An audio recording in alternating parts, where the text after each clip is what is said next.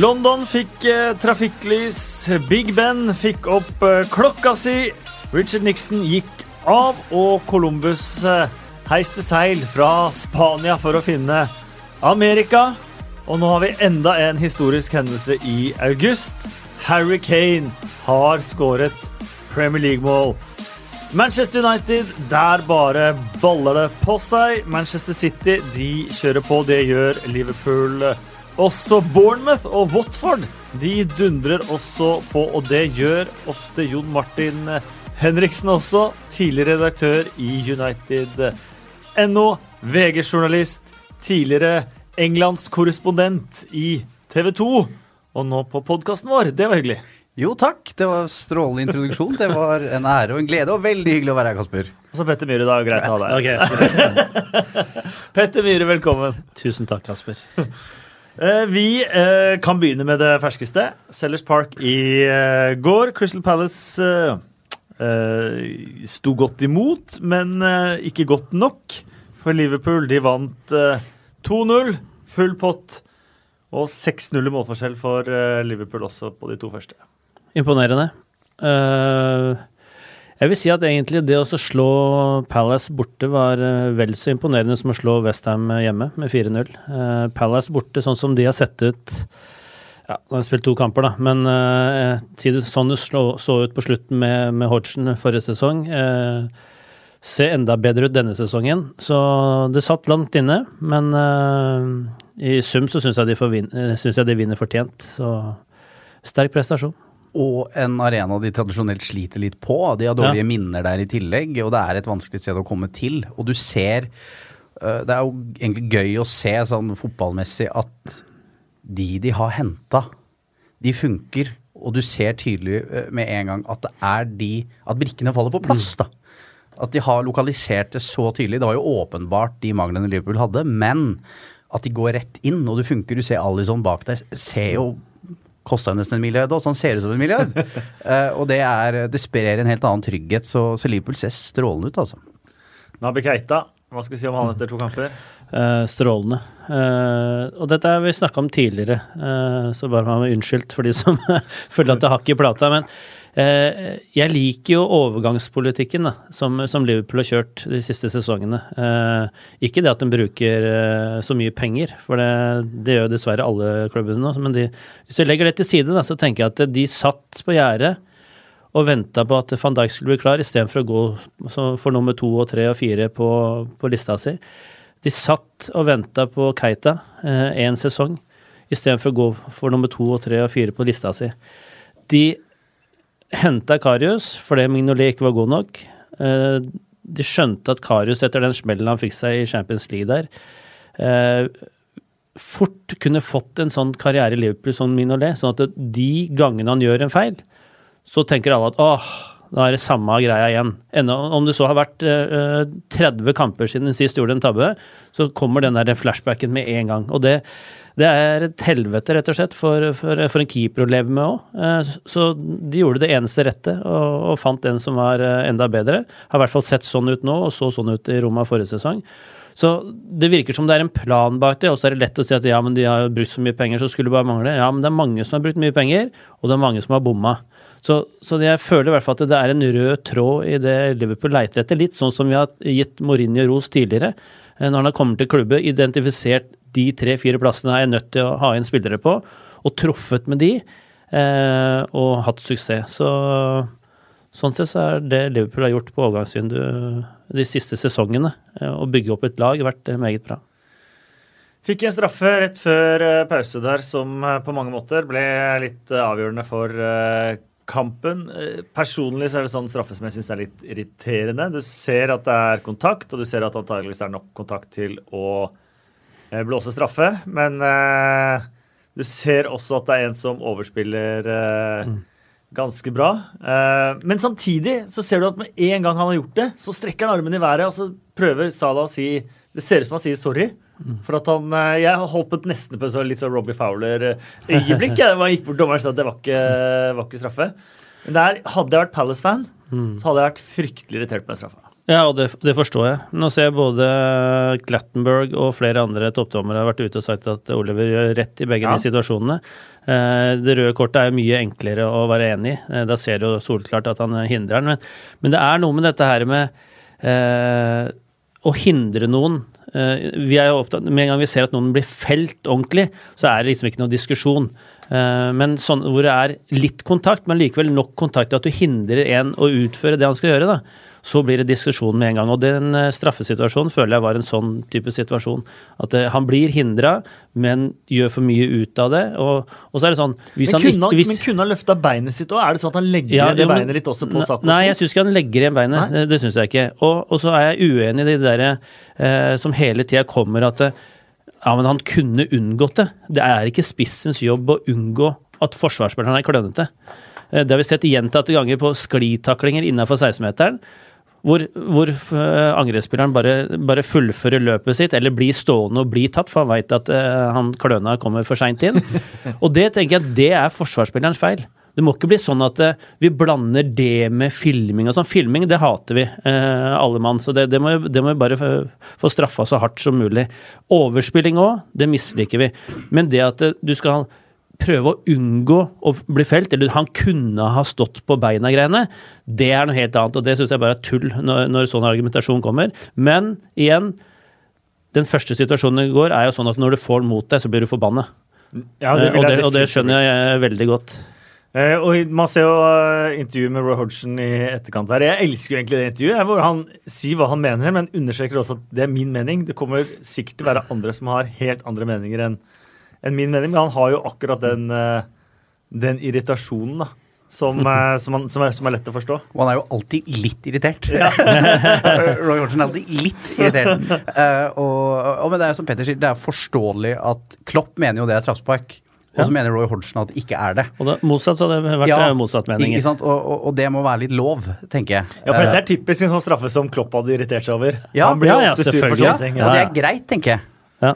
Uh, for, for, man ser det der med ulike øyne når man, hvilken ende av den skalaen man er på. Så det, det må jo bare ta, tenker jeg. Og, og, så er det noe med å stå på sidelinja der. Det er jobben din. Du jobber for dette her hver dag. Hodgson følte at det, de hadde litt tak på Liverpool. Ikke spillemessig, men de klarte å holde Liverpool fra å skape eh, store muligheter.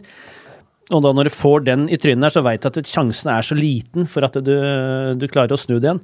Så, og det følte de hadde en god dag med, med rette, og da, ja, da er det lov å reagere. Men tenk deg bare forskjellen på det Palace-laget, hvis vi går ett år tilbake ja. i tid, da.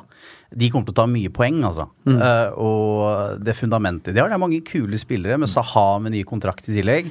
Uh, så tenker jeg at de hadde tapt den kampen sannsynligvis 7-0 for et år mm. siden. Mm. Altså De var jo fullstendig håpløse. Mm. Nå, nå, var de med. Uh, så, så, Palace kan, kan, bli bra. altså. Første hjemmekamp forrige sesong var mot Huddersfield. Da tapte de 0-3. Steve Monier fikk presentert seg for første gang. Så en artig Eh, tweet fra tung, Tungodden. Uh, Roy Hodgson er Harry Kane om 50 år.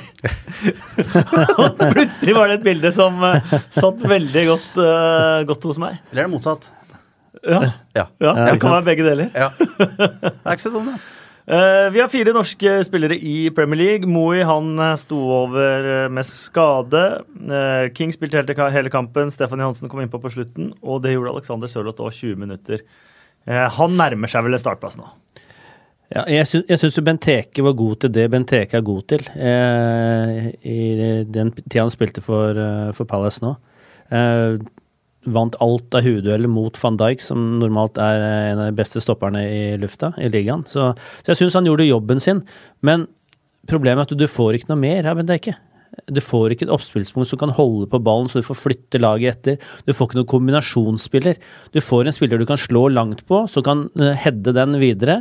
Du får en uh, targetman i, i innleggssituasjoner som du kan sikte på, og han hadde jo en, mm. en god avslutning på huet der. Det er det du får av han. Uh, og det kan kanskje være greit mot, uh, mot antatt topplag ubehagelig. Du må spille litt mer primitivt, litt enklere. Eh, da gjør han en eh, god jobb der. Men Sørloth for meg er jo en bedre ballspiller. Eh, en som kan sette kombinasjoner med de andre offensive spillerne til, til Palace. og Uh, og har ikke så rå fysikk, men har en del andre ting som jeg tenker at det Palace-laget der vil nyte godt av. Så, så jeg er enig i at uh, Sørloth nå skadefri, kommer i form, så har han en god mulighet til å spille seg inn.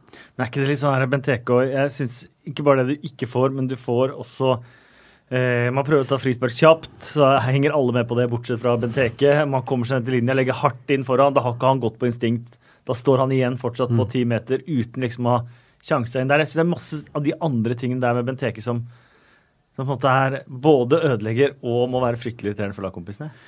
Ja, jeg har aldri likt den. Altså, det er noe Det er, det er jo en primitiv spiss, da. Uh, og det Han var jo kul i, i Aston Villa. Han var kul, Villa, i, ja. Han var kul i Aston Villa, eh, og det funka der. Uh, og så tror jeg ikke du skal undervurdere det aspektet å gå til en storklubb og ikke lykkes. At du på en måte aldri helt kommer tilbake der du var. Men eh, det taler jo bare for Alexander Sørloth. Eh, og, og fikk den der eh, lille seksmånederen som er viktig, tror jeg, den fra januar. Du kan si at det er vanskelig å komme inn i januar, men da får du samtidig et halvt år til å bli kjent med lagkameratene. Du får kjenne på tempo. Eh, Du ser f.eks. Fred i Manchester United som sliter voldsomt, særlig de første ti minuttene, bare på å skjønne tempo. Mm. Så, så, så den har han jo inne, så jeg tror eh, han kommer til å få ganske bra med sjanser etter hvert. Vi eh, håper eh, inderlig det. Liverpool de er på sporet. Det er Manchester City, og de høvla over Huddersfield 6-1. Det var aldri noen tvil om eh, hvordan det skulle gå, og jeg tvitra da jeg fikk lagoppstillinga en time før kamp. Enten så vifter David Wagner med det hvite flagget her, eller så er han et geni. Eh, og jeg syns jeg Hva så konkluderte du med? ja, det var, det var seks forsvarsspillere, én defensiv midtbanespiller, og den der holdninga til kamp som vi så noen ganger med Huddersfield forrige sesong òg, som jeg synes var fryktelig irriterende, hvor det ikke blei fotballkamp. På Wembley mot Tottenham, eh, blant annet. eh, Tottenham gjør akkurat det de gidder til å, til å vinne. og det, Jeg syns ikke det er så mange av de lagene, men Huddersfield er det eneste laget som jeg syns på en måte nesten tar sånne kalkulerte kamper hvor her får vi ikke poeng allikevel, så vi driter i det. Jeg er usikker på Jeg, jeg tror ikke det, altså. For det, når du er andre serierunde, så har du på en måte ingenting å tape. Og borte mot City så har du ingenting å tape. Så at han, og det er heller ikke noen midtukekamp som han trenger å rullere spillere på. Sånn, så, jeg tror ikke han tenker sånn. Eh, Men han spilte med spillere som ikke har spilt i Premier League før. jo, Eh, han men, jeg, spilte med spillere som ja. sjelden har spilt i Premier League før. Eh, ja, men, liksom, men hvorfor skulle han gjøre det? det? Han har en sultefòra gjeng som har lyst til å spille fotballkamper. Uh, færreste av de har deltatt i noe mesterskap. De har gått flere måneder uten å spille kamper. Uh, de har ikke noen andre kamper å ta hensyn til. Så, så jeg tror ikke det. Han, han hadde jo kjempesuksess da, forrige sesong mot Manchester City. Eh, det var det laget som slapp til flest, nei, færrest avslutninger. eh, Den var på. Det var kniven på strupen. Det Jo, var alle mann inne i eget bur. Også med en sånn der taktikk Ja, men hvor han på Etiad borte, han gikk rett i strupen på dem. Han pressa dem høyt hele tida, eh, og, og de fikk betalt for det. Så den, den bortematchen på Etiad er kanskje en av de lagene som har, som har tatt Manchester City best. Så kan du si at da hadde City vunnet ligaen allerede, og kanskje var litt på sparebluss osv., og, så videre, og han utnytta seg av det. Og du så nå, med en gang han prøvde å stå høyt nå, så ble han spilt høl på. Så det det er nesten, en, nesten en umulig oppgave altså, å komme dit. Det er så stor forskjell på de nedre halvdellagene og øvre halvdellagene i Premier League nå, eller i hvert fall topp seks-lagene, at eh, du veit at på forhånd at enten så er vi griseheldige og får med oss et poeng og holder nullen her, eller så ryker vi med fem-seks. Det, det er på, en, på en Ja, måte inngangen. men- ja, men men, men- jeg, tror, jeg tror ikke han tenkte at ok, da sparer han, da sparer han, og så gjør jeg sånn. For jeg, jeg, tror, jeg tror han hadde en plan å tenke at det vi gjorde her forrige sesong, det kommer vi ikke til å få til igjen. For han Guardiola har sittet nå i tre måneder og sett på den eh, matchen og funnet ut hvordan han skal ta oss. Og du så også han la jo om til tre, Ja. tre stoppere, blant annet, som de ofte gjør når de vet at de møter de lagene som, som går høyt. Så jeg, jeg følger deg ikke på den. Altså. Jeg, jeg tror eh, han Wagner har altfor mye stolthet og tenker at det, For én ting er den ene kampen. Det andre er at det, det blir jo litt sånn slags følgefeil her. For hvis han har sånn approach inn til Ja, hva har han gjort i den treningsuka da? Og hva skal han gjøre nå? Skal han bare si at ja, det var bare noe vi skulle gjøre den ene gangen, så nå skal vi begynne å trene på det vi faktisk skal gjøre resten av sesongen igjen?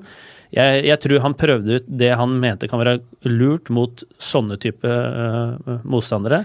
Uh, Uten å få betalt. Og, det, og det, er, det er ikke så rart at du ikke får betalt. Når City først scorer uh, der, så er, veit du at kampen er over. Ja, men det er et, jeg, jeg mener det fortsatt er et stusslig forsøk. Og det er også etter at jeg var jo på begge disse to kampene forrige sesong, faktisk. Jeg var jo på John Smiths mm. da de faktisk hadde fortjent å få med seg poeng. Da de hadde 1-1 helt til Raheem Sterling skåra på slutten og eh, virkelig tok Manchester City på, eh, på det de kunne ta Manchester City på. da. Som var et enormt godt eh, forsøk. Da var det riktignok én minus oppe i Yorkshire. og Bare av de eh, City-spillere som kanskje mistrivdes. Men, men, jeg mener det er potensial til å gi det et bedre forsøk enn det han gjorde, da. Ja, jeg, husker, jeg klarer ikke å se hva han skulle gjort annerledes. Da. Men tror du ikke også Guardiola har brukt de to matcha som, Ja, ja. som en motivasjon til de spillerne? Og så tenker kanskje Huddersfield samtidig at å, De Bruyne er ute lenge, dette er kanskje vi har en sjanse. Men så, Ja, men så er City bare men Se på det lagopptaket. Han ene spissen som ikke har spilt nå på øh, Han hadde noe innhopp forrige sesong, og det er øh, nesten et år siden sist han hadde noe innhopp. og Plutselig var han inne på laget. Stankovic har ikke spilt fotball på halvannet år. Skåret. Han starter. Det gjorde han. og ta med oss det. Vi tar med oss det. Uh, og flere andre som Jo, Jeg, jeg, jeg syns forsøket virker stusslig, men ok, vi snakker heller om eh, Manchester City, for det var uh, Det var ikke stusslig. Det var så langt fra stusslig som det kunne fått blitt. Uh, Sergio Aguero med sitt eh, 13. Premier League-hat-trick. Har, har vi noen gang sett en regjerende ligamester som ser mer ut som en ligamester? Mm. Den med brystkassa fram. Uh, du tenker at ok, det henger i bakhodet, mange har hatt et langt VM, men de går bare rett ut og er, unnskyld uttrykket, pervers gode. Mm. Altså, det, det er bare så Én ting er at de er gode, men det er bare så vanvittig profesjonelt i tillegg. Mm. Uh, og at de ikke er De senker seg ikke altså en millimeter. uh, og én ting er at Liverpool er vanvittig gode nå, de ser solide ut, men hva skal de gjøre med dem, da?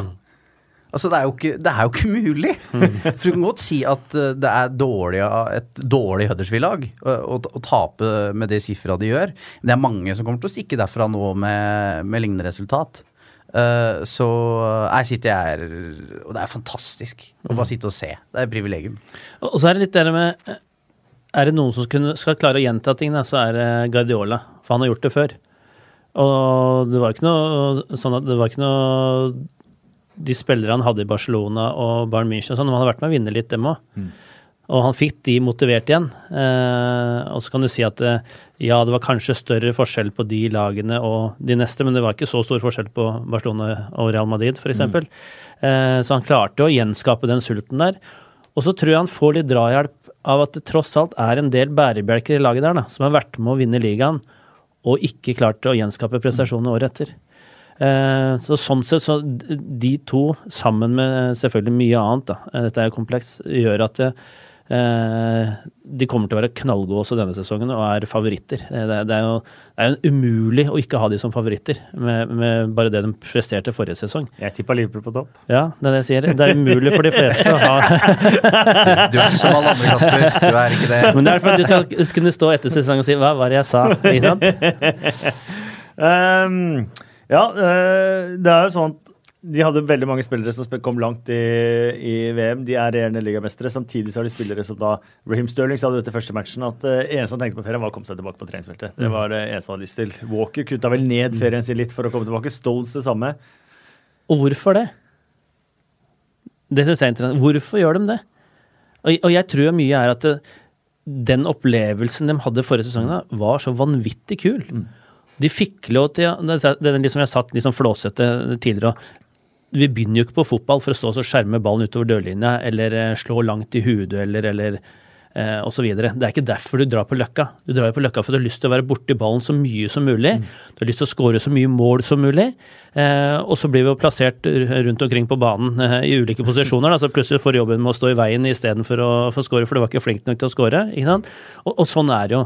Men når du kan gå på trening en, For vi må ikke glemme det. Én ting er jo kampene. Vi ser jo bare rosinen i pølsa her. Vi ser jo bare eh, glasuren på kaka. Eh, men tenk deg hvor gøy de har gjennom uka. Og Når du det skal øve- når snakka skal John øve Stones på det, ja. før denne matchen. Ja, du skal øve på det Ja. der hver eneste dag. Du skal øve på å bli god til å spille pasninger, du skal bli øve på å være god til å drible, du skal øve på å skåre mål. Og de forsvarsspillere òg. Tenk deg hvor eh, konsentrert de må være i løpet av uka. Og når du spiller da, må stå, trene på å stå høyt mot denne løperekka til, mm. til Manchester City, da, da blir du ganske god til å forsvare deg på den måten òg. Og derfor, når du kommer inn i, i matcher da, mot svakere motstand, da, så føler jeg at de forsvarsspillerne forsvarsspillere altså, føler jeg sånn som en milliard. Stones sa det. Han har ikke vært i en garderobe med bedre samhold, eh, bedre kameratskap og bedre humør. Og, hvor, eh, og det sammenlignet da med Barnsley og, og Everton, som han har vært eh, tidligere. Det, Når du ser de klippa, det var jo den dokumentaren som ruller og går nå med Manchester City, eh, av Guardiola i garderoben og på treningsfeltet. ja, du kan, Det er jo et skjæringspunkt der mellom galskap mm. og, og, og, fagprat, men tenk deg hvor inspirerende det er, da. Mm. Uh, å, ha, en, ha, en, fotballtrener på feltet hver eneste dag som, som er der. Mm. Og du ser, det er ikke bare det at han uh, det er jo mange klipp av Raheem Sterling, f.eks. Når du ser steget han har tatt, og når du ser hva Guardiola prøver å forklare ham på treningsfeltet, så har du sett det i match etterpå. Mm. Og det er jo fantastisk. Uh, så det, er, jo derfor de vil tilbake Tenk deg mange de har hatt ja, Si Stirling, da. Og Stones hadde et fantastisk VM. Mm. Beste VM på 100 år for England. Men likevel så vil de rett tilbake. Mm. For de er sannsynligvis enda morsommere. Mm.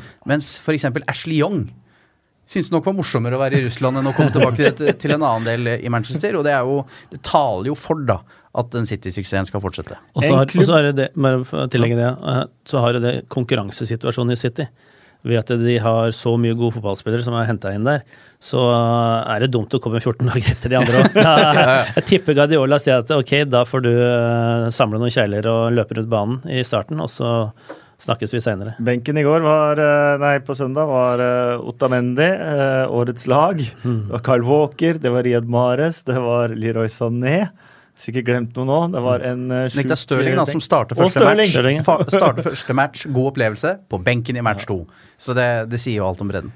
Um, en klubb uten klasse, sa José Mourinho før helgens uh, runde, da han omtalte Manchester City og dokumentaren All or Nothing, som ligger på Amazon. Um,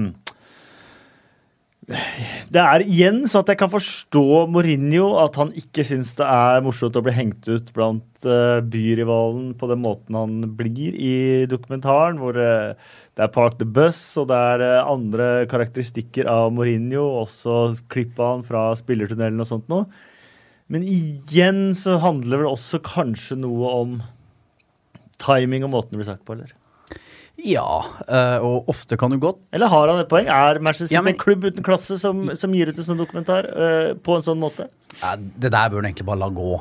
Ikke sant? Smile av det, le av det. Uh, men det har han jo slutta med. Uh, så, men jeg syns jo ofte, isolert sett, at José Mourinho har et poeng. Ja, jeg også. I, i v, nei, under preseason så klaga han på, forståelig nok, at han mangla spillere. han var misfornøyd, forståelig nok, med at han ikke hadde fått de spillerne han ønska seg. Men det er den derre gjentagende greia og måten du sier ting på, som gjør at det forsurner. Uh, hadde han tatt et kosta på seg to smil i løpet av en pressekonferanse, sagt det på en annen måte, så hadde han nådd fram på en annen måte. Nå blir det bare uh, surmagra. Og det er jo samme med den City-dokumentaren nå. og så, på grunn av sitt eget rykte, da, så, så blir det jo vridd og venda på, det blir backpages uansett. Men Enkelte fighter vinner han ikke, uh, og ikke den her. Så den der burde et klassisk eksempel på at bare smil, la det gå, la de holde på. Og, og det tenker jeg For meg så er det en av de store problemene for Mourinho nå. De siste sesongene, både i United og i Chelsea, så han blir så veldig opptatt av å forsvare seg sjøl. Og jeg tenker, eh, en manager med en av verdens beste CV-er, hvorfor bryr du deg? For da blir alt smålig, og da, da, for meg så virker det som han hiver bensin på bålet ved å bry seg om de greiene der. Hva skal du bry seg om hva en kakespisende svett journalist fra England skriver i en eller annen blekke der borte, når du veit at de, de leiter jo etter drit, og de skriver halvsanne ting, og de holder på.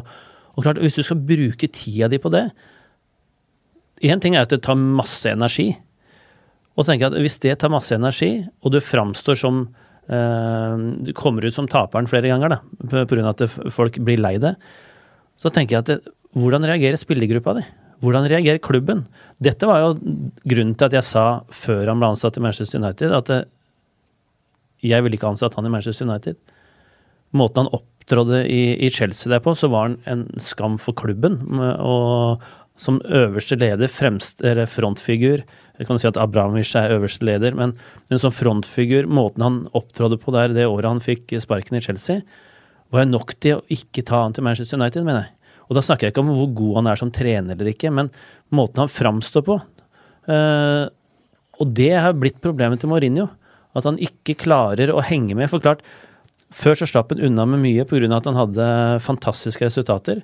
Uh, nå har han mindre bra resultater. Og i tillegg, de som får resultater nå, de spiller feiende fin fot fotball. da. Sånn at det på en måte han får, han får, får to svingdører, da. Og, og det er selvfølgelig ja, Ja, det er aldri gøy. Nei, og, og, og da føler han seg som han hele tida blir rakka ned på, og han, han tar ting så personlig. Og ja, han skal ta personlig at de taper fotballkamper, han må, men han må sørge for at den gjengen han har til rådighet, blir bedre. Det er jobben hans nå, og det er det eneste han får gjort noe med. Og da tenker jeg at hvis han hadde gjort det, så hadde han fått mer sympati òg. Og kanskje hadde han også fått en spillergruppe som virka som de hadde kost seg mer, da. Han hadde fått eh, mer gehør eh, også i spillergruppa si, tenker jeg. Og tidligere i hans karriere så følte jeg at du så at spillerne ville dø for José Mourinho. Eh, jeg husker jeg var Og han ville dø for dem. Ja. Og jeg var på Vi må bare ta, uh, For de som ikke fikk med seg resultatet i eh, helga, så tapte de også 2-3 borte mot Brighton. Dårlig stemning. Ja, absolutt. Jeg må bare fullføre Ja, den, Jeg fordi eh, jeg var på Stamford Bridge i hans første sesong som Chelsea-manager. Eh, Og jeg husker de hadde en skuffende match der det var vel en av få hjemmekamper. De spilte 0-0, tror jeg det var, mot Manchester City. Eh, Og da husker jeg at han sto igjen foran spillertunnelen og tok og klemte og klappa samtlige av sine egne spillere på skuldra eller ga dem en klem. Du husker etter Inter, da han vant Champions League mot Bayern München, Marco Materazzi der som gråter. F- Fordi manageren slutter. Han skal til Real Madrid. Eh, Du hadde Carvalho Terry. Det var gutter som eh, De gikk den ekstra mila for, eh, for José Mourinho. Det tror jeg ingen i Manchester United for øyeblikket gjør. Eh, Så det har jo skjedd noe med José Mourinho. Hvis du ser på poengsnittet hans òg, fra Chelsea-perioden og fram til i dag, så er det en gradvis sånn stille og rolig nedadgående kurve. Eh, Så det er jo et eller annet med hans, i hans hode og hans vesen som, eh, som har skjedd. Og så har fotballen også utvikla seg, mens han vel bare har stått stille. Ja, for det, det var også det som kanskje skjedde i Chelsea, at han eh, tok for mange spillerkonflikter. Og jeg mener Hvis du blir uvenner med for mange spillere, du som har vært i en garderobe som trener, det er du dømt til å tape etter hvert. Ja, og, og da er vi inne på det der igjen at han har blitt mer opptatt av seg sjøl og forsvare seg sjøl enn å forsvare spillergruppa. For skal du få spillere til å løpe den ekstra mila for deg, så må du forsvare dem i tykt og tynt. Uh, vi har sett uh, dette, så, Sånn har det vært i, i, så lenge fotballen har eksistert. Det er ikke, det er ikke noe, med, det er ikke noe nymotens greier, det. Selv om vi ser nå Nå får vi jo mer in, tilgang via klipp fra garderober osv. Hvor, hvor managerne nettopp gjør det og sier at ok, gå ut der, lever, gjør som vi har blitt enige om. Hvis det, det ikke går den veien vi skal, så skal jeg ta skylda. Jeg tar på min kappe. Men med en gang dere begynner å ikke gjøre som jeg sier, da får vi trøbbel. Ikke sant? Så, så, så, som en le og da må på en måte den lederen ha en posisjon overfor spillergruppa, sånn at de, de kjøper de argumentene han kommer med. Den spillestilen han kommer med, eh, de taktiske planene osv. Da er spillerne trygge, da er de villige til å gjøre det lille ekstra. Da er de villige til å drite seg ut. For det er, det er det som ofte skjer. Folk blir jo engstelige, så de tør ikke å gjøre en ekstra slå den ekstra pasningen. Tør ikke å ta risiko ved å drible osv. Og, så og med en gang du begynner å tenke sånn som spiller, og, om å ikke gjøre feil, så, så har du allerede tapt veldig mange fotballkamper.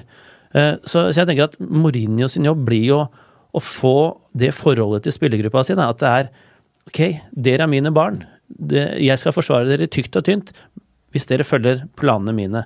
Og det er der jeg føler at det har blitt mer sånn at eh, han har forsvart seg, på grunn av at han føler at resultatene ikke har vært bra nok. Og da, da tror jeg han er ute å kjøre.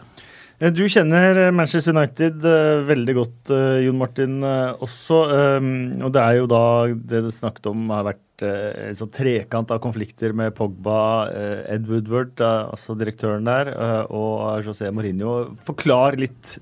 Hva er greia i Manchester United nå, og hvorfor er det så mye negativ støy? De jeg snakker med, er jo opptatt av at det er problematisk fra topp til bunn. Altså Dette er ikke bare et managerproblem. Eh, fordi i de fleste store bedrifter så er det jo, går det jo en linje mellom toppledelse og, og til en kall det avdelingsleder, f.eks., i en vanlig bedrift. Mens i Manchester United så har du noen søsken som er amerikanske eiere i Glazer-familien. Du har en CEO i Ed Woodward, og så har du José Mourinho. Det finnes ikke noe bindeledd, kall det gjerne, gjerne da mellom det kommersielle og det sportslige. Det er én mann som ansetter og sparker, og så er det én mann som har ansvar for fotballaget. That's it. Uh, I tillegg, klubbsekretæren Alexander, som kom fra Tottenham for en del år siden, han slutta i fjor. Da kom det inn en dame fra Tottenham uh, igjen, uh, som har fått den rollen. Den skulle deles i tre. De to stillingene er ikke besatt. Phil Townsend, mangeårig kommunikasjonsdirektør i Manchester United, slutta for å gå til Uefa. Ikke ansatt. Så det er jo nesten ikke folk i administrasjonen i Manchester United. Uh, og så skjønner jeg José Mourinho at han er irritert, for hvis du skal ta han i forsvar også, fordi han ba om en liste med spillere som han ikke har fått. Og han fikk ny kontrakt forrige sesong. Hvis du skal gå på Mourinho-kjøret, så er du nødt til å være med på hans vei mm. til the bitter end. Men at Ed Woodward, en businessmann, skal fortelle José Mourinho hvem han skal hente og ikke skal hente, det er jo dømt til å bli konflikt. Og Woodward var jo da ute og forklarte hvorfor han ikke hentet disse spillerne til Mourinho. Ja, Han hadde til sigende under en lunsj med, med Real Madrid-Peres uh, foreslått å kjøpe Varan for 100 millioner pund. Uh, det virka som en snodig framgangsmåte å, å kjøpe fotballspiller på. Uh, så jeg, hvis det er hakk i plata med noe Petter har snakka om Liverpool, så er det hakk i plata på meg at jeg syns det er det dummeste Manchester United har gjort etter Alex Ferguson, var å ikke å ruste opp fordi at måten, den gamle managermodellen, mm. funker ikke lenger. Fordi at det er så mye mer komplekst å kjøpe fotballspillere.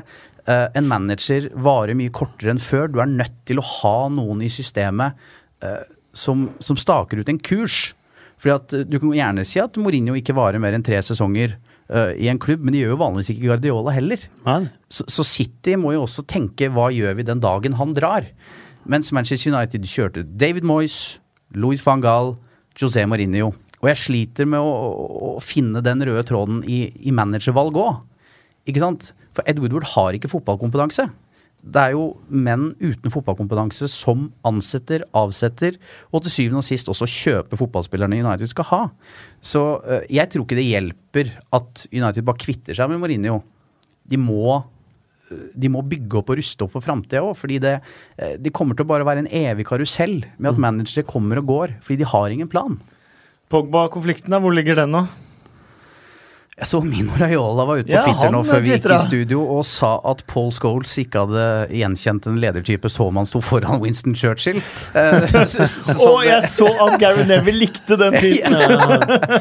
uh, jeg tror Og det er også å undergrave managerens autoritet, da tenker jeg. Mourinho vil nok gjerne ikke ha Luke Shaw og Antony Marcial i troppen sin. De har ikke blitt solgt.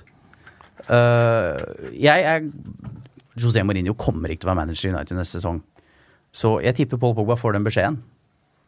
Mm. Bli her, og så gjør vi noe annet neste år. Han leverte da under uh, pari, men han leverte jo også mye bra. Han leverte bl.a. Uh, eh, en av de beste straffene jeg noen gang har sett, tror jeg, mm. mot, uh, mot uh, Brighton. men hvor tror du veien går videre denne sesongen, da, med Manchester United og, og Mourinho? er de en mesterskapskandidat? I utgangspunktet så var de jo det. Ja. Eh, jeg sa før sesongen at enten så, så stikker de av med hele greia, eller så ender det i katastrofe. Eh, katastrofe i, i, form av at da tror jeg Mourinho er ferdig. Så enten så, så lykkes denne sesongen her og, og får snudd det og på en måte får en entusiasme rundt eh, klubben igjen, eller så, så er han ferdig. Enten om han da får sparken eller om han trekker seg sjøl, det, det, det, vet man jo ikke. Men sånn som de har framstått så langt, spillemessig, så føler jeg at eh, den, den oppførselen i løpet av, av sommeren måte henger i. Eh, det er fort gjort å tenke at ja, men ting er så negativt osv. Nå vant de nok riktig mot Leicester, men etter en svak kamp, spesielt første omgang, hvor, det, hvor Leicester styrte stort sett mest hjemme på Old Trafford. Og så hadde de denne kampen her nå, mot Brighton, som i forrige sesong, og det var på slutten av forrige sesong, det var siste hjemmematchen til Brighton forrige sesong, hvor de gikk på en smell da, og Mourinho var jo harnisk i etterkant og skjelte ut Martial og Rashford og sånn, blant annet. Og så leverer de sannsynligvis en enda dårligere prestasjon denne gangen. Og da er det jo sånn man begynner å lure. Eh, er det noe i alle ryktene? Og da får alle ryktene bein å gå på, med Pogba og Martial og Shaw og eh, Ed eh, Woodward og Ikke sant? Og da, og klart det er det siste Mourinho og United trenger nå. Den, all den støyen. Eh, nå må Mourinho framstå som leder. Nå må han ut på feltet der, få den spillergruppa til å stole på at det jeg står for, det er faktisk det som kommer til å gjøre at vi vinner fotballkamper. Og så må han smile litt, og så må han latt media være. Han må ikke bry seg om hva pundits eller eh, journalister eller supportere er- mener. Han, han, han må holde seg for god til det. Det har gått uh, viralt, dette ene intervjuet med hun eh, fra Be In Sports. Uh, alle vi som har intervjua Mourinho i dårlig humør og bomma med det første spørsmålet, kan se- sette seg veldig inn i uh, hennes situasjon. Hun fikk det ikke lett. Sånn var jeg fryktelig stolt av Ingrid Halsensen, vår, vår eh, Englandskorrespondent. Hun stilte helt riktig første spørsmålet. Hva, hva gikk gærent? Og fikk eh, to meget gode svar av Mourinho. Da svarer han langt. Da svarer han langt og godt. Uh, hun andre bommet uh, da på første spørsmålet med et veldig kritisk første spørsmål. følelse. Det, ja, jeg har jo vært øh, der. det er det verste intervjuet jeg har gjort i mitt liv, tror jeg faktisk. Sånn uh, magefølelsesmessig. Så jeg skjønner jo hennes følelse også godt. Men Mourinho kom jo ikke spesielt godt ut av det heller. Hun, han må jo si at han kommer dårligere ut av enn henne av det. Jeg, jeg, jeg, jeg, så, så kjenner jeg på uh, Mourinho noen ganger at eh, jeg har jo vært der sjøl òg, hvor ting går dårlig. Eh, du har bare lyst til å bli ferdig med denne pressekonferansen og intervjuer og alt mulig ting, og så, så får du det ene spørsmålet etter det andre. Eh, og ofte så er det sånn samme spørsmålet som kommer, da. Så du må svare på det ti ganger. På en annen måte. På en annen litt- måte. Ja, ikke sant? Det var jo sånn, eh, nå var det litt annerledes i, i Norge enn det er der, for der i, ja, nå er det jo intervjuer først, da, det var det jo eh, også her i Norge, men så var- har jo de pressekonferanse. Men så vi måtte gå hele den der eh, I strafferunden i mix-zone der, forbi alle. Og det var jo sånn at du sto og prata med én journalist, og den andre journalisten står ved siden av og stiller akkurat de samme spørsmålene, enda har stått og hørt på det du har sagt i forrige. ikke sant? Og når hun stiller spørsmålet, så står hun og ser ned på blokka si på neste spørsmål, de hører ikke hva du sier engang. Og klart, sånne ting, når det, når det går dårlig, eh, så er det fort gjort å miste det. For, for det er Supportere kan snakke om at, eh, at de eh, eh, spillerne og trenerne og sånn, de er blasert og de har det for bra og de må, sånn og sånn, men de må aldri tro at de tar tapet tyngre sjøl enn hva spillere og trenere gjør. For det, det, spillere og trenere, det er jobben deres. Det er stoltheten deres. Det er de som mm, unnskyld uttrykket, blir pissa på i, i media og når de går på gata og ikke har lyst til å dra på det kjøpesenteret i helga, for de orker ikke å være i offentligheten og sånn. Så de kjenner på det, og Mourinho kjenner jo på dette her som alle andre mennesker. Eh, Så når du da eh, Da er det fort gjort å miste det litt i, der, i den. Liksom, men jeg tenker at det, det at han mister det litt, det, det bekymrer meg ingenting. Og det, det gjør meg egentlig ingenting heller. Men det er summen av ting og fokuset hans som bekymrer meg. På vegne av Manchester United. Det er fokuset hans som må være et annet sted. Da slipper han unna med sånne ting òg. Og jeg må innrømme at jeg lurer på hva de gjør på treningsfeltet. Fordi at øh, jeg syns de spilte best fotball faktisk i hans første sesong. Øh, før han hadde fått inn Matic, før han hadde fått inn en del av de såkalte nøkkelspillerne sine. Uh, for selv om de fikk en dårlig tabellplassering, øh, så hadde jo ekstremt mange uavgjortkamper hjemme. Men da var jo keeperen banens beste i stort sett hver match. De kom til mye målsjanser.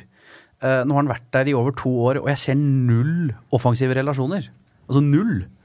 Eh, og eh, selv ikke det han Han er god på fortsatt på å spille på resultat, men ikke så god som før. Altså, det er ikke den Jeg tror ikke på det laget. Uh, og jeg syns det er merkelig at Husk på at de to midtstopperne som spilte på søndag mot Brighton, er jo hans egne. Det er jo han som henta Lindeløf og Bailly. Uh, så det er der liksom skoen trykker. Jeg, jeg, jeg, jeg skjønner ikke hva de prøver på. Helt til slutt på Manchester United, eh, Gary Neville meget kritisk til at Ed Woodward ble sittende på plassen sin og lage grimaser etter eh, tapet, og la seg bli zoomet inn av TV-kameraene eh, da, istedenfor bare å reise seg opp. Et eh, modig smil og gratulere motstanderen med kampen og gå inn på vippen igjen, som er egentlig da kanskje er kutyme. Um, har Gary Neville et poeng, eller er det sånn at nå leter man etter alle feil man kan finne? Ja, det er klart man driver og leter. Man leter nå, selvfølgelig. Men, eh, men den maktkampen kommer jo til å fortsette. Uh, og nå går jo endelig da de ryktene om at United er på jakt etter en director of football. For Ed Woodward er jo ekstremt dyktig i det han gjør. Han har jo vært med på å uh, overkommersialisere Manchester United. Han er jo uh, hjernen bak at det er et mønsterbruk. Uh, men det er akkurat den fotballbiten det skorter på, på forhånd, eh, og da må du ha fagfolk. Vi eh, går videre til eh, Wembley, eh, og dit eh, kommer vi til å gå de neste ukene også, fordi at eh, White Hart Lane, eller nye Tottenham-stadion, er litt i det blå. Det har vært litt turbulent der også. Denne Livy har fått mye kritikk. Måten er blitt kommunisert på også at man ikke får flytte inn til de nye stadionene, får kritikk. Det at man har betalt eh, leie til Wembley til jul uten at noen har visst det, det eh, får man kritikk for. Hjemmekampen mot Manchester City den er vel fortsatt litt i det blå, i og med at den da ikke kan spilles på Wembley den dagen i alle fall, fordi det er NFL-kamp den helga på Wembley. Manchester City vil vel heller ikke flytte den, sånn at de får hjemmekamp nå og så bortekamp neste, for da vil de avslutte neste sesong med fire av de fem siste borte. Det ønsker de vel ikke når de jakter et eventuelt uh, ligagull, men de vant i hvert fall 3-1 mot Fulham. Harry Kane. Det var 1065 dager, det. Eh, ti eh, minutter. 1065 minutter. Eh, og 15. kampen han spilte i august i Premier League før skåringa kom. Og så kan man si at alle de tingene er tilfeldige, og at man ikke tenker på det som spiser, bla, bla, bla. Men Harry Kane har vel vist ganske greit på sosiale medier at han faktisk har tenkt på den forbannelsen. Og så du hvor glad han var? Eller sånn, sånn, hele den kroppsreaksjonen var så ekte, da. Og det er jo tilbake til det Petter er inne på med at uh, betyr, om det betyr noe for disse fotballspillerne som er overbetalt. Se på Harry Kane, da. Altså, det er ekte gledelse og, glede og lettelse. Altså, Den feiringa bare sa alt, og det var, det var, gøy å se Harry Kane få den. Og fortjent. og, og tenk deg å slippe det spørsmålet resten av livet. Resten av livet. Resten av livet. Ja. Han har hatt den i så mange sesonger nå. Og, er, og noen ganger så er det bare Det bare blir sånn. Du kan ikke forklare det.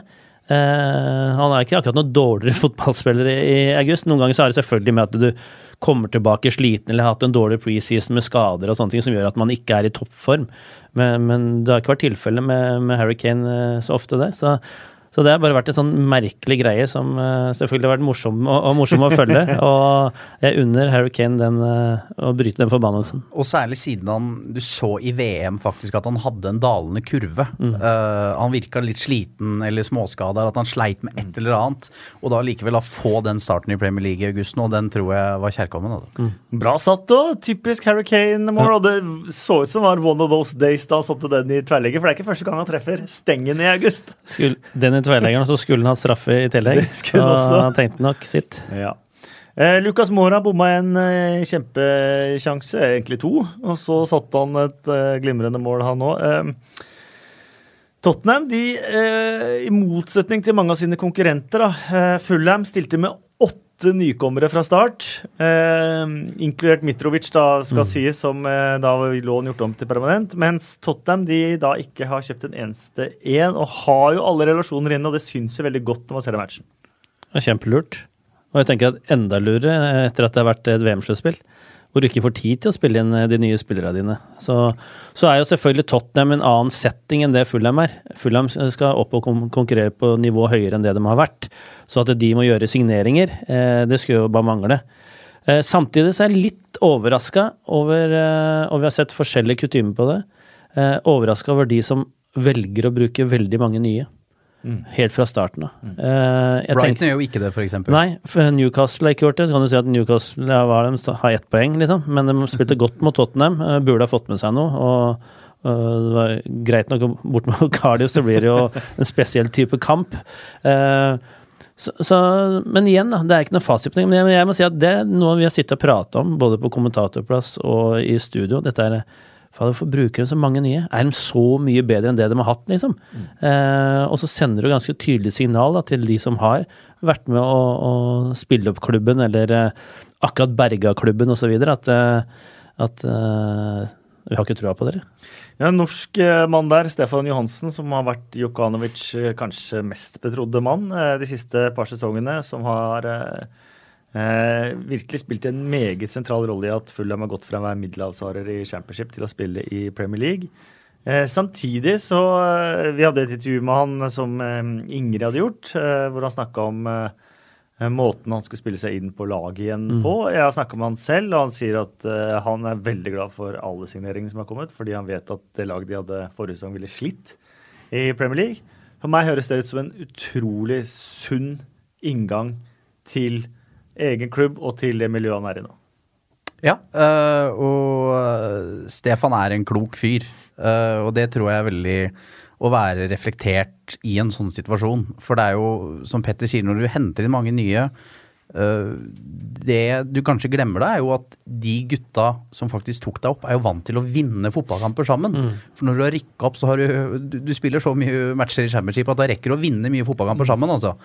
Ehm, så, så Stefan Johansen tror jeg klarer å spille seg inn i det laget. For han har den klokskapen, den gode foten, eh, som gjør at Fulham kommer til å dra nytte av, av han etter hvert. Eh, men det er tempo, da, som kanskje kan bli hemskoen eh, hans. Det føler jeg kanskje nesten er den minste forskjellen mellom Championship og Premier League. tempo Tempoet er stort begge steder. Problemet er at i Premier League så behersker jo både lagkompiser og motstandere det tempoet. Det gjør de ofte ikke i, i Championship. da. Og så er det mer eh, I championship så er det jo tempo uten ball. Det er mer sånn tut og kjør eh, som du må henge med, og du må være klar for det fysisk til å lage noen frispark og bli sparka ned og sånn, mens i Premier League så, så er det forflytningene da, med og uten ball som, som går raskere. Og det er en kjempeutfordring, men innstillinga til Stefan er jo kjempebra, og det eneste rette. Og han har jo vært gjennom motgang òg, eh, eh, og det får han brukt for nå. Eh, Det er jo sånn når du står i dritten at du skulle ønske at ting var annerledes ut, eh, så annerledes ut, men når du kommer deg gjennom det og vokser på det, så er det en gudegave til den settinga han er i nå. Så eh, jeg tenker at eh, han eneste rette for han er å bli i klubben, i hvert fall denne sesongen her, og prøve å, å oppleve guttedrømmen sin ved å spille seg inn fast her. Vi håper Stefan Johansen klarer det. Fått to innhopp eh, på de to første kampene. Men det skal jo ikke mer til at han kommer inn, Så vinner han. får en corner, han tar corneren, de stanger inn, får et poeng. Liksom, det, det skal så lite til, da. Tottenham, kan de vinne ligaen? Uh, nei, jeg tror ikke de gjør det. Men jeg er ganske sikker på at de blir topp fire. Og da har du litt med approach igjen, da. Tottenham kjøpte ingen, Manchester United kjøpte jo tross alt tre. Uh, men måten Pochettino tar det på, sier at ja, skal vi hente noen, så må de være gode, for vi har et veldig godt fotballag. Eh, de har klart å signere eh, nye kontrakter med sine viktigste menn. Så klaffer alt, ja. Men det er det der med erfaring, da. Du ser jo den semifinalen mot United på Wembley. Da ryker de under det presset. Så jeg tror det er der de kommer til kort, men de er gode, altså. Og så, Der syns jeg er interessant da, øh, når det kommer til lederskap, og litt det der at du høster som du sår. Eh, hadde Nå var Pochettino ute eh, her i uka og sa at eh, jeg er drittlei spillere som klager over manglende spilletid osv. Det er så enkelt som at enten så får de jobbe seg inn på laget, eller så får de eh, forsvinne fra klubben. For så lenge jeg er leder i klubben her, så kommer jeg til å ta ut de spillere som jeg mener er gode nok. Kanskje en mulighet for en den dagen jeg får sparken. Da, og det hadde Mourinho sagt det, da.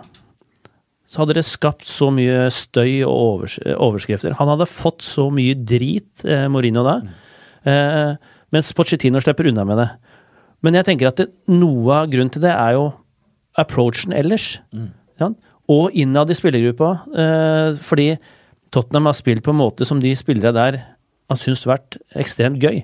De også snakker jo om det der med lagånden og at eh, alt eh, det de har lært av Pochettino. Han stiller st eh, tøffe krav, men han stiller det på en måte som gjør at vi aksepterer det. Det er litt som når du skal oppdra ungen din.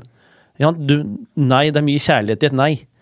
Og så veit du på en måte om du, alt annet ellers du gjør, så skjønner jo ungen at du er glad i den.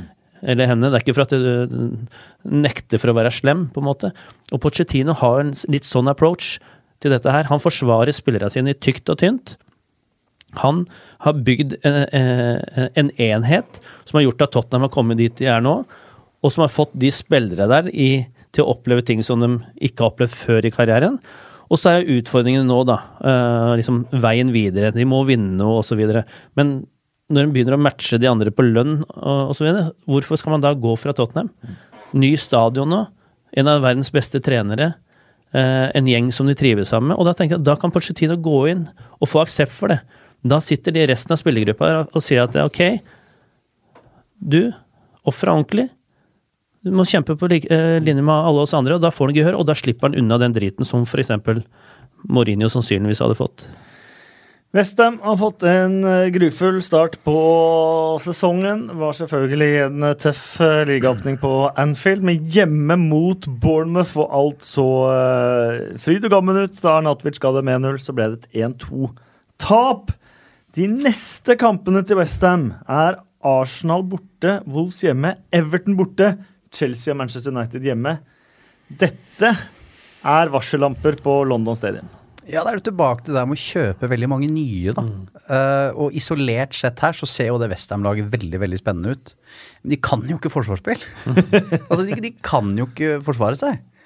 Uh, og jeg tror de har fått en veldig dyktig manager uh, i Pellegrini, men det blir litt som Emery i Arsenal. Altså, når du starter på den mm. måten, hvor tar du det derfra? Og du ser på terminlista og tenker at her blir det trøbbel, altså. uh, men uh, det er et morsomt lag. Får de det til å klaffe, ikke bli stressa, så kommer de til å ta brannpoeng. Men hvis de får litt høye skuldre da, og det er jo en del humørspillere Mm. Med Jack Wilshere, Arnatovic, flere av de nye, og er jo litt sånn mm. Som Morten Langli sier, at uh, litt sånn regnværsspillere, da, da, da, trekker de seg litt unna. Så uh, fortsetter dette her, så kan det bli en tøff høst, og, og han kan ryke, faktisk. Imponerende av uh, Bournemouth, som nå har fire strake seire. Avslutta jo sesongen mm. forrige sesong med å vinne to. Også har full pott. De også er i den eksklusive klubben sammen med Watford, som vant 3-1 borte mot Burnley. Og, det er jo noen forskjellige klubber enn Watford og uh, Bournemouth er jo vrient å finne når det gjelder kultur og filosofi osv. Hvor Bournemouth har stått last og brast med Eddie Howe hele veien, og de utvikler seg som klubb og, og som, som, spillergruppe. og han, ikke minst, fordi han var så ung når han starta på dette her. Eh, så er jo Watford den rake motsetninga, hvor de skifter trenere. Alle trodde vel at Har vi Grazia har nå flytta ja. familien sin til uh, England i sommer. Det kan, leier, kan, kan, jo, kan, jo kan ikke gå bra. Angrer, kan hende han angrer. Jeg tipper han leier og ikke eier. Er det ja. Nei, og det, dette er jo noe med å, å få den derre flying starten. Jeg, jeg har tippa Bournemouth på nedrykk, jeg. Jeg eh, sto og vurderte Nei, nei Watford, sorry. Mm. Watford eller Brighton, hvem skal jeg dytte under streken? Uh, og så slo de med Brighton i første matchen. Og tenker ok, kanskje det er det som får dem over. Og så følte de opp nå selvfølgelig gunstig da møte Burnley etter det med ordentlig Europaliga hangover. Ekstraomganger osv. Så så, så, men det er sånne ting, vet du. Så når du får sånn din, som vipper din vei, så tar du plutselig 10-15 poeng ekstra i løpet av en sesong. For du, du, er på den der bølgen som du kan surfe på, og det, det, det er beundringsverdig, det. At eh, Fortsatt, Gracia har fått til dette her. Og, og igjen eh, Det har handla litt spillere denne gangen òg. Fortsatt klassespillere. Den, mm. eh, den eh, pasningen fra Ducoré til oh, Dini. Den var vakker på 1-0. Eh, men drakta den er så stygg at den eh, Den er egentlig nok for nedrykk i det hele tatt. Eh, jeg tenker hver gang Har ikke Hull rykka ned, tenker jeg når jeg ser det. Og så bare, ja, det er Watford. Men uh, bare to ord om Sean Dyche, for det har jeg snakka om på podkasten her før. Og det er ingen som klager mer på dommeren uh, enn Sean Dyche. Men det er ingen som snakker om det. Det er, Uansett de vinner eller taper, så har dommeren gjort noe feil. Nå var det at Will Hughes ikke ble vist ut. Uh, og Vilju skårer et fantastisk 3-1-mål der og spilte en herlig match òg. Dette kunne gått annerledes om han hadde fått rødt kort. Og den ligger vel i oransjeeninga der. Men det ligger jo litt Han er manager for Burnley. Mm. Eh, og med all mulig respekt å melde for Burnley, så eh, får du holde på litt mer i fred. Hvis José Mourinho, mm. så blir det, som Petter sier, det blir automatisk støy. Mens ingen har noe imot Burnley. Altså, vi synes, folk det er greit å klage på dommeren etter hver Ja, men folk syns det er kult det er morsom kuriositet, da. Ja, men, hører, hører men, sånn blir det jo. Altså, nettopp fordi at Burnley ikke er mektige på det i, i Premier League. Men jeg tror de kan få trøbbel i høst. Hvis uh, de kommer inn i et uh, gruppespill i Europa. Uh, det treet her, hvor kan det vokse inn i, inn i mm. himmelen? Jeg, det sa jo vel mange i fjor òg, at nå kommer Burnley-nedturen, mm. men det gjorde jo definitivt ikke. Men på et eller annet tidspunkt så kommer den, og jeg frykter, kombinert med Europa, at den kommer nå. Jeg har tippa de helt uh, nedi der. Vi uh, drar til Stamford Bridge. Uh, en fantastisk kamp mellom Chelsea og Arsenal. Endte 3-2 til Chelsea, men jeg kunne like gjerne endt 3-5 til Arsenal. Det, det var end-to-end-stuff, som, mm. som, det heter. Men det er altså nå sånn at Sarri har seks poeng etter to kamper. Emery har null poeng etter to kamper. Det er to forskjellige verdener for to nye managere. Ja, og jeg tenker deilig med Chelsea igjen. Spille fotball som, som du kjenner at uh, dette her gynger, altså. Du kan si hva du vil. Mourinho sin filosofi, Conte sin filosofi, bygger mye på å gjøre det vanskelig for motstanderen defensivt. Demme opp. Veldig pragmatiske til det med underholdning. Sarri er jo rake motsetning. Og, og, og, og, jeg tenker altså i hvert fall når det er så mye deilige fotballspillere i det laget der, da, så, så er det jo en drøm å få inn en sånn trener. Så jeg tenker at eh, wow, for en start. Eh, og jeg, jeg støtter Sarri det han sa, at vi kommer til å se bedre ut om, om tre måneder enn det vi gjør nå. Men Defensivt ser det ikke superbra ut. Nei, og, så, det, det, og det er nok det han mener òg. Ja. For enten, enten, så må de jo stramme opp defensivt, eller så må de jo uh, bli enda bedre offensivt, sånn at motstanderen får færre angrep mot deg. Og jeg tror kanskje mer på, på, på det siste. Uh, og, og, jeg har uh, store forventninger til Sarri, eh, men han må få tid. Eh, og for å gjøre endringer, eh, ganske graverende endringer, så må du også vinne fotballkamper. Eh, så enkelt er det. Og nå har han jo fått en flying start, da, som gjør at det aldri vil bli stilt noe spørsmål om ham, i hvert fall på de neste ukene. da. Og da er det behagelig. Og han ser så koselig ut. at han Litt sånn bestefarstil, og at han ikke får lov til å røyke på Premier League-stadion. At han driver og tygger på en eller annen sigarett. Ja, det er noe med hans vesen som, og oppsyn som jeg virkelig bare liker. da. Og så Emery på andre sida som uh, det er et eller annet med meg og han mm. som, som, lugger litt. Når jeg ser på han på sidelinja, det er noe har litt høye skuldre, og det er et eller annet der jeg ikke helt tror på, men uh, du kan jo ikke få en verre start som, uh, som manager. Og, og jeg, jeg tror på begge de to managerne. Det er to dyktige ja, managere. Men uh, hvor han ene, Emery, for meg framstår som akademikeren, og hvor Sarri framstår, framstår som den sjøllærte.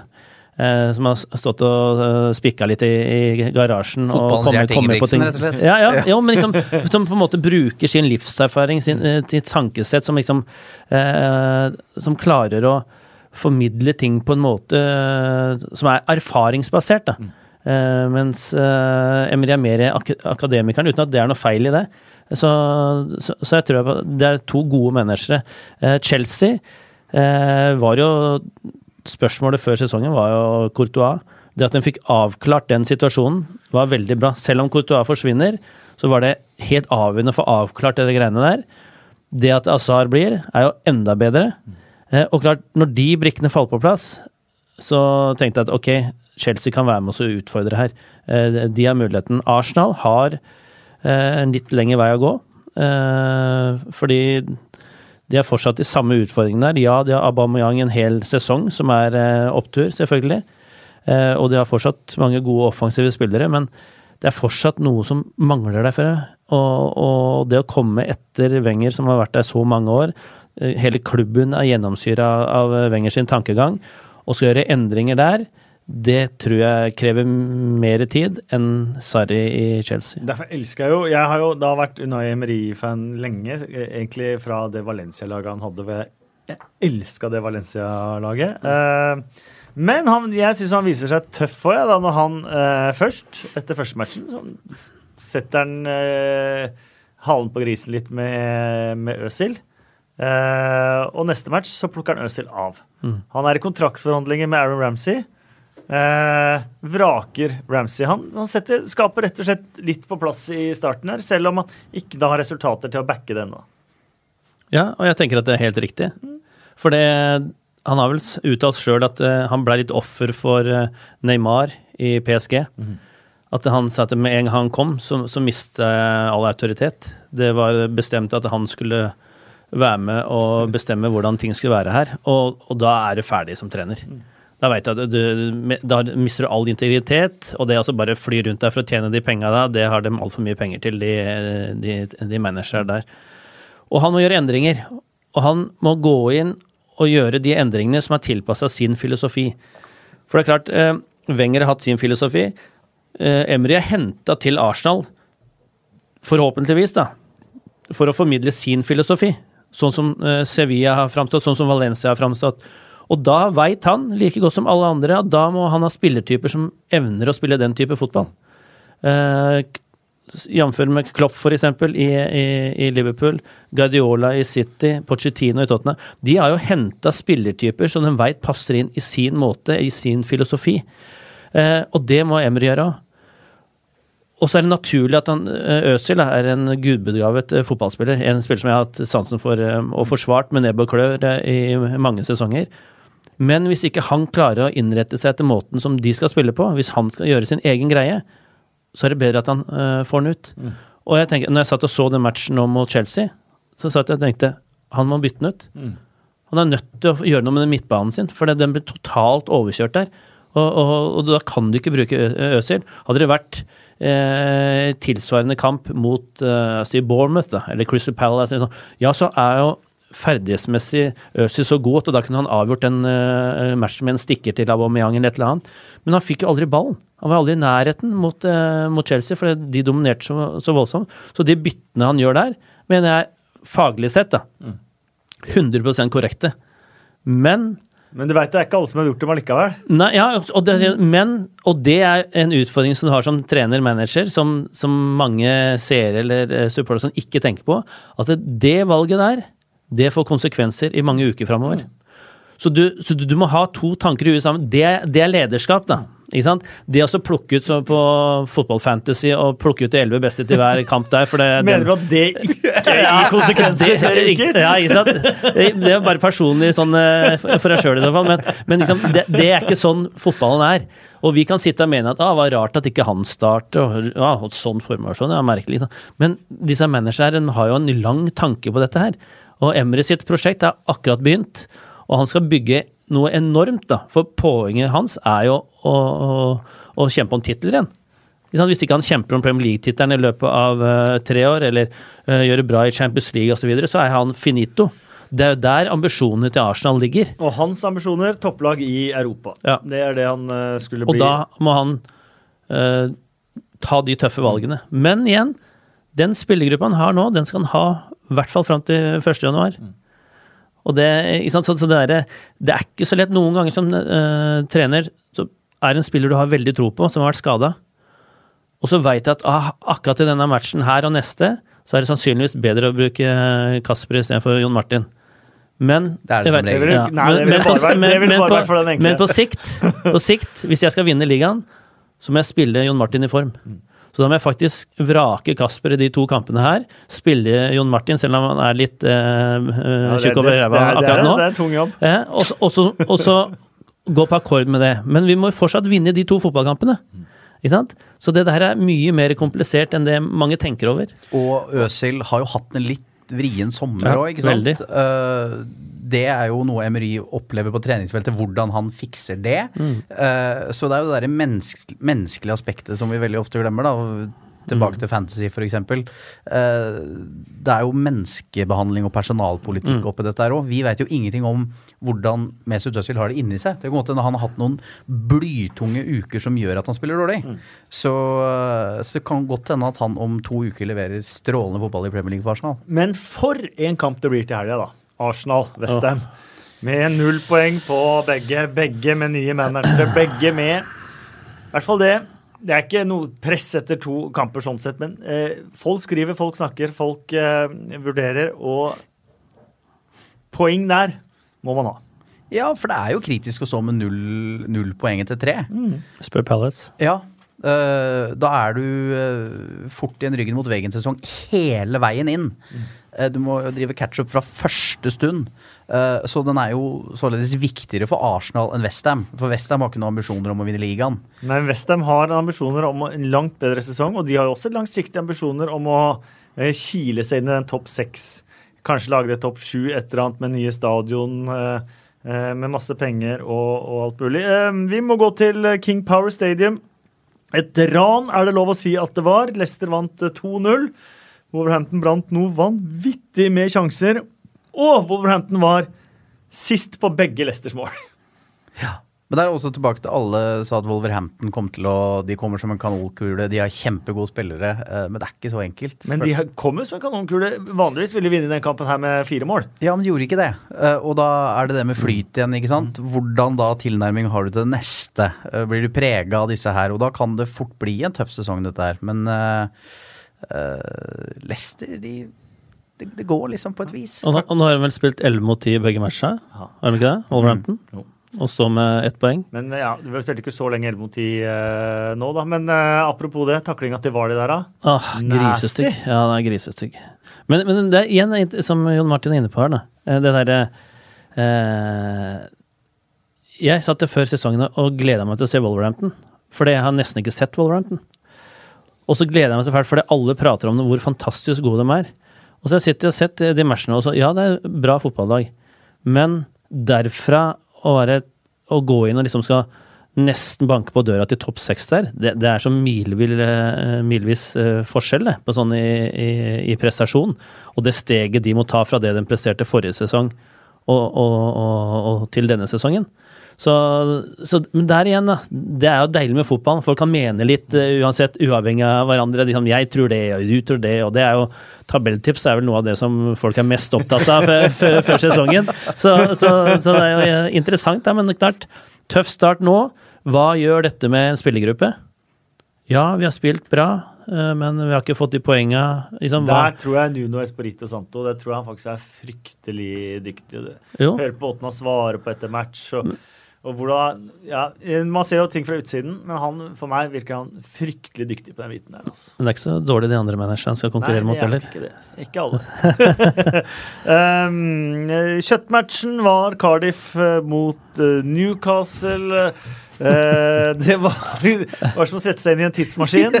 Uh, Neil Warnock på sidelinja der. Jeg synes jo det er, så mye å ta tak i med Neil Warnock, men det at han også da har, sånn som eh, noen gale mennesker som heldigvis er en mote som er på vei til å gå ut, det å ha et lommetørkle ja. eh, som han tar inn og ut av lomma etter å ha drevet og snytt seg hele tida. Det, det, er et eller, annet, eh, et eller, annet, ved det også. Men eh, Kennedy fikk ikke rødt eh, kort. Det fikk Isaac Hayden. Kennedy får heller ingen utestengelse i etterkant fordi dommeren dømte frispark. Ja, men dømte, ja, for det, Vi satt og diskuterte det der i studio. For det, du ser jo forseelsen, mm. og så ser du at dommeren ser en helt annen vei. Mm. Og så det, oppstår en ny situasjon. Og da tenkte jeg, var det den han blåser på nå, eller hva er dette her? Eller har fått noe beskjed på øret at eh, Men jeg tenker, for, for hvis han har sett situasjonen, så er det jo klokkeklart rødt kort. Soleklart. Så, så det jeg syns er merkelig Der må de ha eh, inngått noe kompromissgreier, tenkte jeg. Mm. Det ble ikke noe utstengelse på Kennedy. Uh, Neil Etheridge uh, reddet sitt andre straffe på to kamper. Mm. Uh, første filippiner, og ifølge Brede, som spilte sammen i Fulham, fantastisk fin fyr. som endelig har lykkes. Han var førstekeeper forrige sesong også, da de rykka opp. Oppda kommer med denne statistikken at han er første som redder i sine to første Premier League-kamper siden Erik Torstvedt gjorde det. det er sånn statistikk som irriterer meg grenseløst i og med at Erik Thorstvedt før august 1992 hadde 120 kamper i den øverste divisjonen. Men morsomst er at Thorstvedt ikke husker det. Og han husker ikke sjøl engang. Nei, det gjelder ikke. Eh, det endte i hvert fall 0-0. Cardiff fikk med seg da poeng etter at Etheridge redda straffe på um, overtid. Hva, hva tenker vi om det Cardiff-greiene? Hele greiene? Ja? Eh, jeg syns det er deilig med Neil Warnock igjen. Jeg, jeg, jeg, det er noe sånn befriende med det erkebritiske Han er nesten last man standing. Altså ja. på virkelig taklinger i knehøyde. Og, uh, og, jeg husker jeg var på en del pressekonferanser med han uh, da jeg jobba for TV 2 for en del år siden. fordi Petter Vågan Moen var jo i QPR da. Ja. og bare det på det gamle treningsfeltet til QPR, hvor du kan få en pint Det er jo tappetårn mm. ved siden av der du sitter og skal høre på manageren. Uh, hans måte å snakke på Du må jo egentlig sensurere mye av det han sier. ikke sant? Han banner. Uh, så det kan være med i en sånn første sesong ved den derre attituden du har, at det kan gå, men sannsynligheten for at de berger plassen er vel Men så skiller det seg så veldig fra de andre, da. Det tenker jeg det er det som kan gjøre at de, de holder seg, da. At Det eh, ikke Nei, jeg, jeg, jeg, tror, ikke- jeg tror ikke de er i nærheten. Nei, jeg tror ikke seg, det, men, jeg tror men- ikke men- men hvis det skulle være noe, så må det være det, da. Men jeg, jeg, I utgangspunktet så er jeg sånn som elsker mangfold. da, Og tenker at det, forskjellige stilarter, det er kult. Men samtidig så tenker jeg at det, jeg må, de kampene må gå klokka fire på lørdag når det går mange andre kamper. Er Sånn, sånn at ikke de blir eh, Hvis, hvis, jeg må sitte, hvis jeg må sitte og se ti Cardiff-matcher Jo, men det var første matchen jeg så dem ordentlig. Men jeg tenkte, hvis jeg, Når det kommer sjette og sjuende gangen jeg skal sitte og se på de greiene der, likt, ja. så tenker jeg at det, det var litt for meg med Tony Pulis. da. Ja. Jeg tenker at det, De må vise 16 på lørdager, hvor det går mange andre matcher som man kan velge isteden. Men Og da er det sjarmerende. det var en kamp med Chicken Twins. Jacob og Ja. Josh uh, Murphy. Um, Hvorfor ikke Canary Twins? Nei, de, er, de veier tolv kilo til sammen, de to gutta. Det, Ja, de ble kalt Norwich, Jo, eh, men de ble ja. kalt av lagkompisene Chicken Twins, for okay. de var så bitte, bitte små. Um, Du mener Canary er svære? De Canary-følgene? de er kjempesvære. Og apropos det, vi skal ha to ord om championship også, og dette her hadde jeg tatt opp. overraskende. Ja, Det var overraskende. Dette her jeg tatt opp uansett hvilket dag jeg holdt, opp, jeg holdt med. Særlig. Men altså, uh, og dette her ble ikke gjort noe fokus på før lokalavisa Leeds fant ut før uh, de skal få besøk til Carrow Road til helga, at Norwich har altså malt bortegarderoben rosa. eh, Med begrunnelsen at det skal lower testosteronnivået til bortelaget før de skal okay. spille match. Det ligger i detaljene. Jeg vil si at en desperat klubbs siste desperate forsøk på å gjøre noe desperat, vil jeg påstå. Og og jeg satt og prata med en eh, hopptrener her nå, eh, for det, utstyr er viktig i hopp, om hoppdresser og sånn. Og i Norge nå så har de drevet også forska på forskjellige farger på hoppdressen. Og de konkluderer med at det er ingenting å si. Det er jo stoffet. Så det, det, de kan godt eh, ha rosa garderober, men tro at de får drahjelp, det kan du bare glemme. Ehm, det var det ene fra uh, Championship. Det andre var jo egentlig en god uh, overgang fra det du snakka om i stad. QPR og Steve McEclaren, som nå tapte 1-7 i siste match. Det ser altså så stygt ut for den klubben der, stakkars. Ja, nå var vel Fernandes uh, Nå har han også ikke step ja. down Mhm. som, som chairman. Uh, Steve McLaren Alle mista vel troa på han, nest, ikke som menneske, men som, som manager med paraplyen på, på Wembley. Det var jo bra i den første Derby-perioden, gikk det jo greit en stund. Det var det. Men tilbake til det, vi snakka om Benteke som har vært i en storklubb. Ta David Moyes, da kan du nesten sammenligne med, med McLaren, som har en sånn superjobb, Uh, og så går det, uh, går det ræva. Uh, det presset du går gjennom, måten du får Du står i og er i en boksesekk konstant i en sånn jobb når det går dårlig. Eh, det må gjøre noe med deg, da. Eh, og at du mister et eller annet, kanskje glød, troa på deg sjøl, måten å få fram et budskap på. Så jeg, Steve McLaren hadde ikke jeg ansatt noe sted. Altså. Men det finnes ikke én engelsk landslagstrener heller, omtrent, som har hatt suksess etter å ha vært uh, trener i for uh, Egentlig da, så fra han tok England-jobben, da. For det er jo ikke så mange som har hatt Nei. Nei. Så eh, de har i tillegg da eh, til alt dette andre fått en bot for brudd på Financial Fair Play, og de har fått overgangsnekt i januar. Deilig. Eh, så den, dette laget her, Steve McLaren, det er du på mange måter stuck med. Du kan få inn et par lånespillere nå, men ikke i januar. Det var moro å se på. Morata var kjempegod. Hva i all verden? Han snakka ikke om seg sjæl, han snakka om dommeren. Um, vi går over til eh, å dele ut blomster og kaktuser etc. Uh, rundens eh, blomst. Den uh, ja, kan vi samle sammen en stor blomsterbukett for. Det var magisk med David Silva, som skåret eh, et fantastisk mål. Et av de fineste av de 49 han har skåret i Premier League. Eh, han var gjennom fæle personlige eh, Dette er traumer på, på hjemmebane med en for tidlig født eh, sønn. Eh, bare 25 uker. Eh, tilbrakte måneder på sykehuset samtidig som han prøvde å konsentrere seg om fotballen. Så har det gått bra med sønnen. Sønnen Matheo var på tribuna sammen med kona. Eh, Var nede på matta sammen med David Silva, og David Silva leverte det. Da kan Mourinho si en klubb uten klasse, men mer klasse enn David Silva, det er vanskelig å finne. Ja, jeg elsker han eh, som spiller og som type. og Igjen det er et eksempel på at du trenger ikke å være drittsekk for en god fotballspiller. Det er, det er mange som forsvarer drittsekker. eh, Ja, det er vinnerskalle og det er det ene og andre, men det er tross alt flere eh, gode fotballspillere som ofrer seg ordentlig. Eh, og så er det et bilde på eh, godt lederskap eh, med, med Guardiola forrige sesong, hvor han lot han få prioritere familien sin. Og skjønte at det var det beste for alle parter. For det å ha en bekymra, frustrert David Silva i garderoben på treningsfeltet eh, på banen, ville sannsynligvis gjort Manchester City dårligere òg. Så sånn sett så var det to gode avgjørelser. David Silva og familien fikk eh, prioritere sitt, og Manchester City kom styrka ut av det. Og Guardiola sitter igjen som vinneren etterpå, for det er, liksom, det er menneskebehandling. Og, det, øh, og for oss som sitter her nå, så er det en, en selvfølge at det, øh, at det der skjer. Og forhåpentligvis så ville de fleste gjort det, men det er faktisk managere som ikke hadde gjort det. Mm. så selv om det endte veldig bra nå og, og var en god greie, så er det viktig å notere seg sånne ting. At det, det er mennesker man har med å gjøre her, altså. Det er mennesker som uansett hvilken jobb du har, eller hvilken inntekt du har, eller hvilken status du har, er igjennom personlige traumer som, som betyr mer enn alt mulig annet. Da. Og da er det eneste rette å, å hjelpe dem sånn at de, de har det best mulig. David Silva, to ganger europamester, én gang verdensmester, tre ganger Premier League-mester med Manchester City. Fortjener to blomsterkvaster, nesten, han. Ja, fortjener så mye blomster. Eh, rundens eh, øyeblikk var vel på Wembley.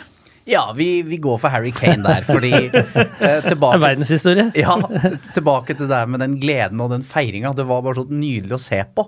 Eh, for det er klart at han tenker over det, han. Eh, Det var jo Gareth Bale i Tottenham også, for eksempel. At han kom inn gang på gang, og Tottenham aldri vant. Det er klart at det gjør noe med deg i hodet. Uh, og nå er han kvitt egentlig det siste spøkelset, da, eller det eneste han hadde. Uh, og det, det, det lover godt for, for Harry Kane. Og Godt å se også at uh, familien får plass på Instagram der. Jeg vet ikke om du husker fra forrige sesong man la ut alt det som har betydd mest for han.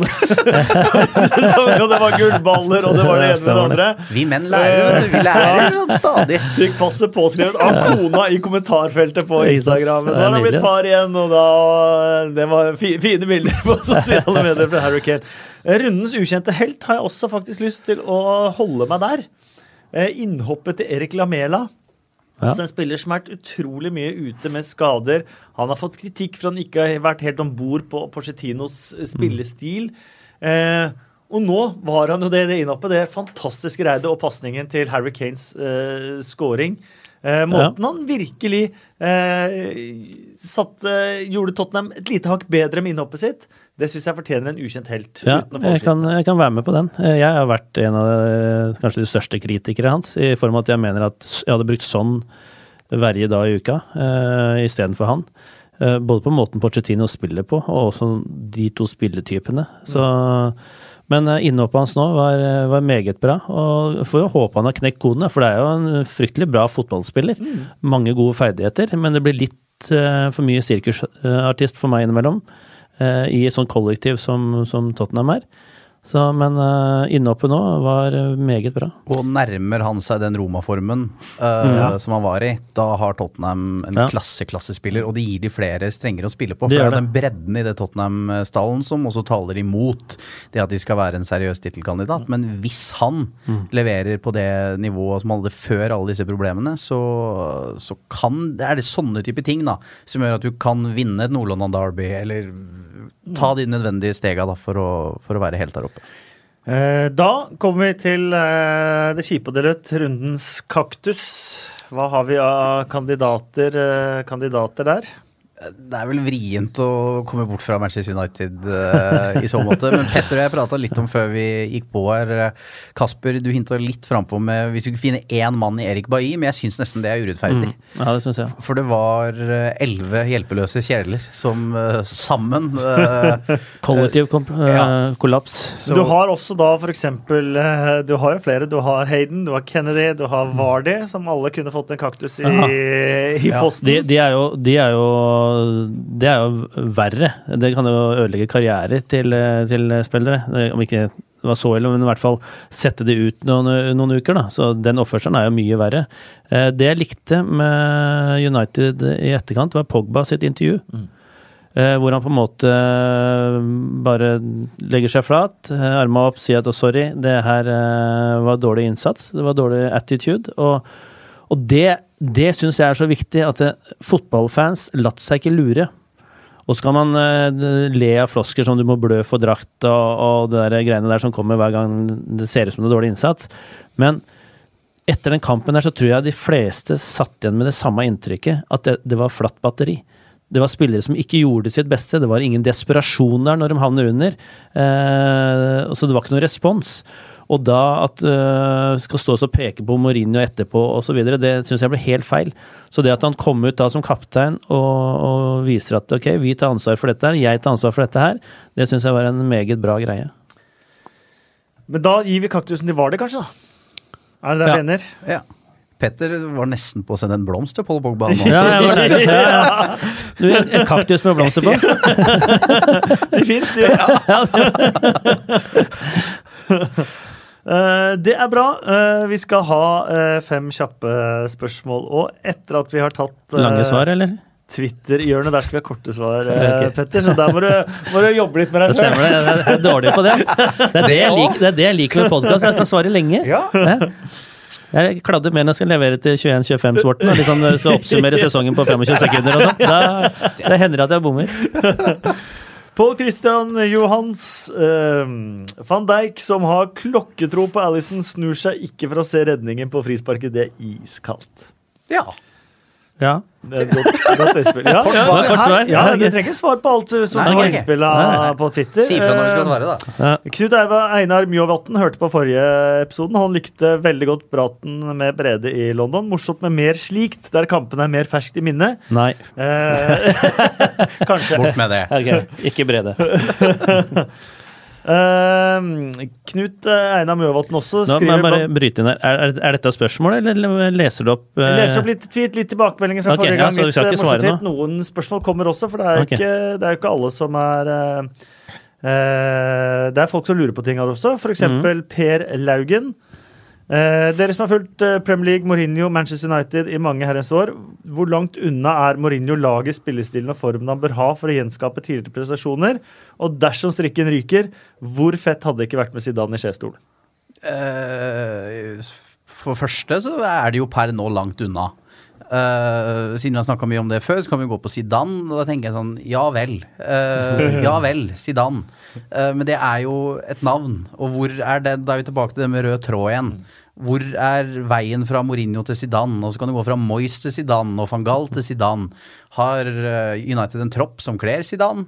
Eh, jeg, er mer opptatt av at de, at de ruster opp, jeg. At er de, litt en klubb som kler Zidane, faktisk. Manchester United? Ja. Ja, det er jo, det er jo Han vil jo ikke ta over kaffelag, han, etter å ha vært i Real Madrid, så kanskje. Men eh, først får de bygge organisasjonen. Doyen Gwen har lagt merke til noe jeg ikke la merke til, må jeg innrømme, så jeg vet ikke om dere har lagt merke til det heller, men han sier at Emery tok verken Pep eller Sarri i hånda etter kampen. Er det en annen kultur i Spania og Frankrike der man tar hverandre i hendene i tunnelen i stedet? Noen dere, har noen av dere lagt merke til det med Emery? Nei, Nei. det gjør jeg ikke. Det vil overraske meg i hvert fall. Han har vel sett et par Premier League-matcher nå, så han skjønner at de takker seg, eller takker for kampen der ute. Så Og da hadde det vært en sak etter? ja, da hadde det vært Ja. etter. Så om han har gjort det før sluttsignal eller Jeg veit ikke. Det var god observasjon, men hva Ja. som har skjedd før og etter der, er litt Vi vrient å svare på. Vi prøver å se hvordan det Vi er følger med, vi. Pellegrini Vi følger med neste gang, vi. Etter Emery 2-0-tap mot. Westham, ja. Da får vi se hvordan det går.